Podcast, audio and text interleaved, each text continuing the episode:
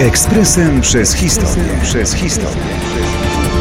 29 stycznia 1981 roku rozpoczął się strajk studentów uczelni łódzkich. Kto nie żył w tamtych czasach, nie do końca jest w stanie pojąć, w jak wielkiej szarzyźnie i beznadziei funkcjonowała większość Polaków.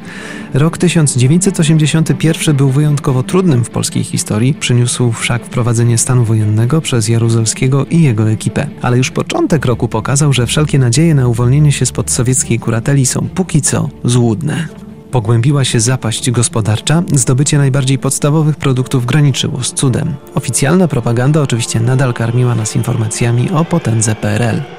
Niemal w każdej dziedzinie społecznej działo się źle. Studenci także mieli dość.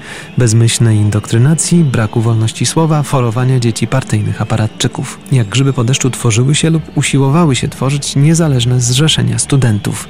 Łódzcy studenci wzięli przykład z gdańskich kolegów, przybywało inicjatyw w całej Polsce. Wreszcie w październiku 1980 roku złożono wniosek do Sądu Wojewódzkiego w Warszawie o, tu cytat, zarejestrowanie niezależnego samorządnego związku zawodowego studentów o nazwie Niezależne Zrzeszenie Studentów.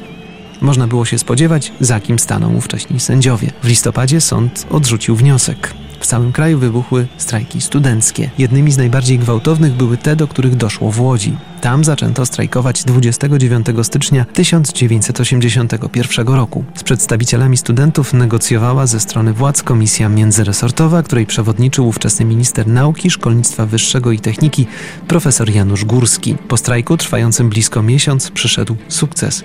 7 lutego sąd zarejestrował wreszcie Niezależne Zrzeszenie Studentów, pierwszą niezależną organizację w krajach bloku wschodniego. Ekspresem przez historię. Przez historię.